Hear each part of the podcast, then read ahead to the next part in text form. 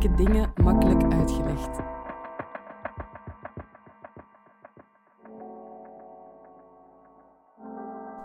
Dit is de podcast van Moeilijke dingen makkelijk uitgelegd. Wie de wereld wil verbeteren, moet wel begrijpen hoe die werkt. Daarom laten we in moeilijke dingen makkelijk uitgelegd een expert 10 minuten aan het woord om een complex onderwerp uit te leggen. Deze keer legt Jaap Tielbeke uit of een beter milieu wel begint bij jezelf. Eigenlijk vinden we het niet zo erg als we een keer het licht in de badkamer vergeten uit te doen. Maar we gebruiken al veel te veel energie. En daarmee belasten we het milieu. Dus moeten we wat beter nadenken als we energie gebruiken. Want je bespaart veel meer dan energie alleen. Een beter milieu begint bij jezelf. Kijk, daar komt die slogan vandaan. Dit was een campagne vanuit de Nederlandse overheid die in de jaren 90 op tv kwam. En je had allerlei van dit soort spotjes. Dus dat je zuinig moest omspringen met elektriciteit, dat je je afval moest scheiden. En telkens was de boodschap grofweg hetzelfde. Hè? Als we allemaal ons steentje bijdragen, dan kunnen we de planeet redden. Want een beter milieu begint bij jezelf. En jullie kunnen je misschien voorstellen, dit maakte op mij als kind echt een enorme indruk. Ik was echt zo'n vervelend milieufanaatje die al deze regels zo goed mogelijk probeerde op te volgen en ook tegen iedereen in mijn omgeving zei van kijk, uh, rij je nou nog een auto, weet je niet hoe vervuilend dat is of gooi je plastic niet uh, apart weg. Uh, dus echt zo'n milieupurist was ik destijds. Nou ja, goed, we zijn inmiddels ben ik de 30 gepasseerd. En we kunnen denk ik toch wel concluderen dat uh, de planeet niet is gered. Jullie volgen vast allemaal het nieuws. Jullie zien de nieuwsberichten over de klimaatrapporten van de Verenigde Naties, die iedere keer alarmerender zijn. Je ziet de biologen die waarschuwen voor een zesde massale uitstervingsgolf. Nou, ik hoef hier verder niet door in te gaan, maar de grote vraag die mij bezighoudt, die mij ook bezighoudt als klimaatjournalist, is hoe kan dat nou? Hoe kan het nou dat we eigenlijk al 30 jaar weten dat we op ramkoers liggen, maar dat we nog niet in staat zijn om de tijd te keren. En een van de inzichten die ik heb opgenomen, een van de conclusies tot, waar ik tot kwam, was eigenlijk dat dat idee van een beter milieu begint bij jezelf, die mentaliteit eigenlijk, dat die ons in de weg heeft gezeten. Dat dat averechts heeft gewerkt. En die spotjes die zijn al een tijdje van de buis, maar dat hele gedachtegoed, dat is nog steeds alomtegenwoordig. Dit kwam ik een tijdje terug tegen in mijn Twitter-tijdlijn, een advertentie. En dat zijn allemaal tips om energie te besparen. Dus dan uh, moet je niet te veel water koken als je koffie gaat zetten. Je moet een energiezuinige koelkast aanschaffen, koud wasje, wassen en uh, spaarlampen indraaien. Nou, dan zijn we op de goede weg. En ik ben sowieso een beetje allergisch voor dit groene geneuzel. Dan denk ik, ja, gaat dit nou echt de zoden aan de dijk zetten? Maar toen kwam ik erachter wie de afzender was van deze campagne. En dat is Misschien weten jullie het, maar dit is ExxonMobil. En ExxonMobil is natuurlijk een oliemaatschappij die de afgelopen jaren grof geld heeft uitgegeven, ook aan het twijfelzaaien over de geloofwaardigheid van de klimaatwetenschap, aan het dwarsbomen van de energietransitie en die nog steeds jaarlijks vele miljarden investeert in het zoeken naar nieuwe energiebronnen, nieuwe olie- en gasvelden. Dus ik denk dat het belangrijk is om te beseffen dat dat idee van de bal bij de consument leggen, we moeten allemaal, allemaal een steentje bijdragen, dat dat ook bewust gebruikt is door de fossiele industrie om het klimaatbeleid te vertragen. En niet alleen door ExxonMobil, maar ook BP bijvoorbeeld, British Petroleum. Die hadden een tijdje dat ze zich willen rebranden, groener wilden maken, dat ze Beyond Petrol heten. En een onderdeel daarvan was ook dat ze het idee van een persoonlijke ecologische voetafdruk gingen populariseren. Dus had je zo'n rekenmethode en dan kon je in kaart brengen hoeveel je zelf dan uitstoot. En de achterliggende gedachte is telkens, hè, strategie is, voordat je met de belerende vinger naar ons wijst, kijk eerst maar eens in de spiegel, kijk eerst maar eens naar jezelf. Want ja, wij leveren alleen wat de consument vraagt. Nou, dat is ook tot op de dag van vandaag nog steeds de houding bijvoorbeeld ook van Shell. Dit is een interview, inmiddels berucht interview met Nieuwsuur met de directeur van Shell, Ben van Beurden.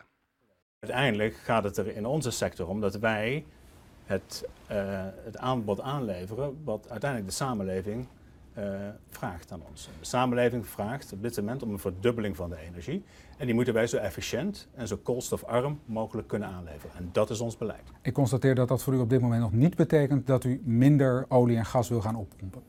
Ik pomp alles op wat ik kan oppompen om de vraag te, te, te, te vervullen wat dat betreft. En, maar je zal toch een, een bijdrage moeten leveren? Of heeft Parijs helemaal geen effect voor uw bedrijfsvoering voert? Ja, natuurlijk zullen we een bijdrage leveren. En die bijdrage die gaat hem voornamelijk zitten in het ten eerste aansporen van, van uh, realistisch beleidsmaatregelen. Dus inderdaad, wat we ja, zeiden. Maar, maar concreet, gaat u ook, want het, het, meeste helpt natuurlijk als u minder olie en gas zou gaan oppompen. Nee, ik denk het niet. Shell levert gewoon wat de samenleving vraagt. Dus als we verandering willen, dan moet het bij jullie komen. Hè? Shell heeft daar geen rol in, die gaat niet voor de troepen uitlopen. Nou, volgens mij is het belangrijk om te beseffen dat dat een misleidend frame is. Want de samenleving vraagt niet om fossiele brandstoffen, de samenleving vraagt ten dele om energie. En we zijn afhankelijk van Shell, maar dat is iets anders dan dat wij om fossiele brandstoffen vragen. En niet iedereen heeft dezelfde verantwoordelijkheid in het creëren van deze crisis en ook evenmin in het bijdragen aan de oplossingen. Dit is bijvoorbeeld een studie van een aantal jaar terug waar The Guardian over uh, verslag doet. Daar kwam uit dat de 100 grootste slechts 100 bedrijven zijn verantwoordelijk voor meer dan 70% van de CO2-uitstoot afkomstig uit fossiele brandstoffen sinds 1988. Dus om maar even aan te geven dat er een aantal bedrijven zijn die een hele grote rol spelen, een hele grote verantwoordelijkheid hebben in het vormgeven van die fossiele economie. En niet iedereen heeft ook dezelfde mogelijkheden om daar wat aan te doen. Als je een milieubewuste automobilist bent, dan kan je misschien, als je er ruimte voor hebt, sparen voor een elektrische auto. Of je kunt wat vaker de trein nemen. Maar iemand als Ben van Beurden, de baas van Shell, die speelt een belangrijke rol in het vormgeven van de energieinfrastructuur. Die kan met zijn investeringsbeleid kiezen om de investering in olie en gas af te bouwen en om het roer om te gooien naar schone energiebronnen, hernieuwbare energie. Dus het is, je ziet, het is een soort gemakzuchtige uitvlucht. Niet alleen voor de grote vervuilers, maar ook voor de politiek. Het is geen toeval dat de Nederlandse overheid zo'n campagne lanceerde. Want het is makkelijker om zo'n campagne te lanceren en te zeggen: Weet je, als jullie allemaal een beetje de best doen, dan komt het goed. Dan om lastige uh, regels in te voeren. Dan om met vervelende mm, wetten te komen voor het bedrijfsleven. En een voorbeeld wat ik vaak gebruik is het voorbeeld van vliegschaamte. Jullie kennen die term waarschijnlijk. Het idee dat als je nu met het vliegtuig op vakantie gaat, dat je dan eigenlijk zou moeten schamen. En dat is best begrijpelijk, want jullie weten waarschijnlijk allemaal, vliegen is behoorlijk schadelijk voor het milieu en het klimaat. Dus we zullen met z'n allen minder moeten vliegen. Ik denk dat laat daar geen misverstand over bestaan. Alleen de vraag is, hoe komt dat dan? Hoe kan het dan dat een reis vanaf Brussel of Amsterdam naar Berlijn of Londen vaak goedkoper is met het vliegtuig dan met de trein. Dat is het gevolg van politieke keuzes, doordat de luchtvaart op allerlei manieren wordt gesubsidieerd. Dus in Nederland hebben we bijvoorbeeld ook uh, het, het, groenste kabinet ooit, noemden ze zichzelf. En die zeiden, ja, dat, dat, vliegverkeer dat willen we wel verduurzamen en zo. Maar ondertussen bleven ze doorgaan met het uitbreiden van Schiphol, met het openen van nieuwe luchthavens. Dus mijn argument is, zij zijn degene die zich moeten schamen degene in de bestuurskamers en de parlementen die de mogelijkheid hebben, die de macht hebben om die structurele verandering te veroorzaken, uh, maar die dat nalaten. Nou, dus dat noem ik de mythe van de groene consument. Het laat de ware verantwoordelijke, de ware schuldige zou je kunnen zeggen, buiten schot. En het laat ook onttrekt ons oog aan de structurele oorzaken. Dus ja, hè, dit is de titel van mijn boek. Een beter milieu begint niet bij jezelf heb het antwoord op de vraag. En ik kreeg wel eens best wel vaak ook reacties van mensen die zeiden, ja, die voelden zich aangevallen. Die waren zelf heel goed bezig, die probeerden zo milieubewust te leven. En die zeiden dan, oh ja, dus het maakt allemaal niet uit wat ik doe. En even geruststellende boodschap, ik wil absoluut niemand ontmoedigen om milieubewust en zo groen mogelijk te leven. Blijf daar vooral mee doorgaan. Mijn argument is, beperk jezelf daar niet tot. Kom niet alleen in actie als consument, maar vooral ook als burger. Ik denk namelijk echt dat wij als burgers veel meer invloed kunnen uitoefenen. Dus ik wil ook niet zeggen, he, leun achterover en laat de politici in het bedrijfsleven maar moeten, die moeten het maar oplossen. Nee, ik denk dat wij, zeker als we niet alleen individueel, maar ook collectief in actie komen, die druk kunnen uitoefenen en zo die verandering kunnen bewerkstelligen. En dan vragen mensen vaak, ja oké, maar hoe doe ik dat dan? Wat moet ik dan doen? Nou, ik heb geen lijst opgenomen in dat boek. Ik heb niet, zou ik een beetje tegen, tegen het principe ingaan ik nu zou zeggen, dit zijn tien dingen die jij kan doen voor het klimaat. Maar er zijn allerlei manieren waarop je natuurlijk als burger kan inspannen. Het begint in het stemhokje bij, bij de verkiezingen. Je kan zelfs nog een stap verder gaan en je bemoeien met het politieke programma, de klimaatparagraaf uh, van jouw partij.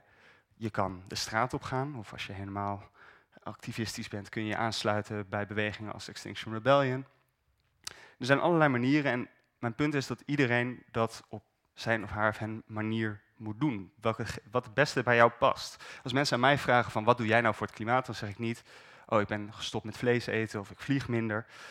Dan zeg ik nee, ik schrijf erover. Ik probeer op die manier bewustzijn te creëren. Ik hou praatjes zoals deze. En ik denk dat ik op die manier echt, denk ik echt, dat ik veel meer invloed heb dan, uh, dan dat ik alleen maar in mijn eigen leven keuzes zou maken voor mijn levensstijl. En je ziet het ook, hè? De, de, de, Europese Commissie die was bezig met het idee van een Green Deal. En een van de eurocommissarissen die zei ook, zonder de massale protesten op straat van de scholieren, van die hele klimaatbeweging, was die Green Deal er niet in deze vorm geweest.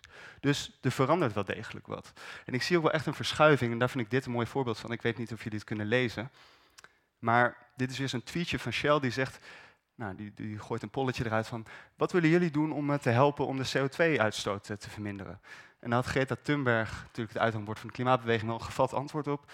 Die zei namelijk, nou, ik weet niet hoe het met jullie zit, maar ik ben best bereid om eh, bedrijven zoals Shell, die onze toekomst verwoesten, omdat ze zo nodig geld moeten verdienen, en vervolgens met zo'n halfbakken greenwash-campagne aankomen om de verantwoordelijkheid af te schuiven en systemische verandering uh, tegen te gaan, die wil ik wel, uh, die, daar richt ik mijn pijlen op. Dat ben ik bereid om te doen. Dus het is een teken van de verschuiving van de jonge generatie. Kijk, toen ik zo oud was, internaliseerde ik de schuldvraag. Ik was bezig met plastic recyclen en mijn lichten uit te doen. En er is nu een generatie, en dat vind ik hoopvol, die de straat op gaat en die ook zegt, die niet alleen met de belerende vinger naar elkaar wijzen, maar met de belerende vinger naar, wijzen naar degene in machtsposities. En die zeggen, how dare you? Jullie zijn bezig onze toekomst te verpesten. Nou, en volgens mij is dat waar een beter milieu wel kan beginnen. Dankjewel.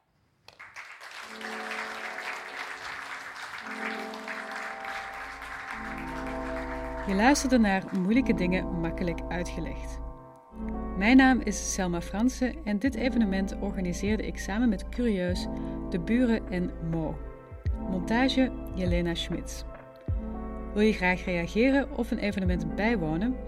Kijk dan op de Facebookpagina van Moeilijke Dingen Makkelijk Uitgelegd.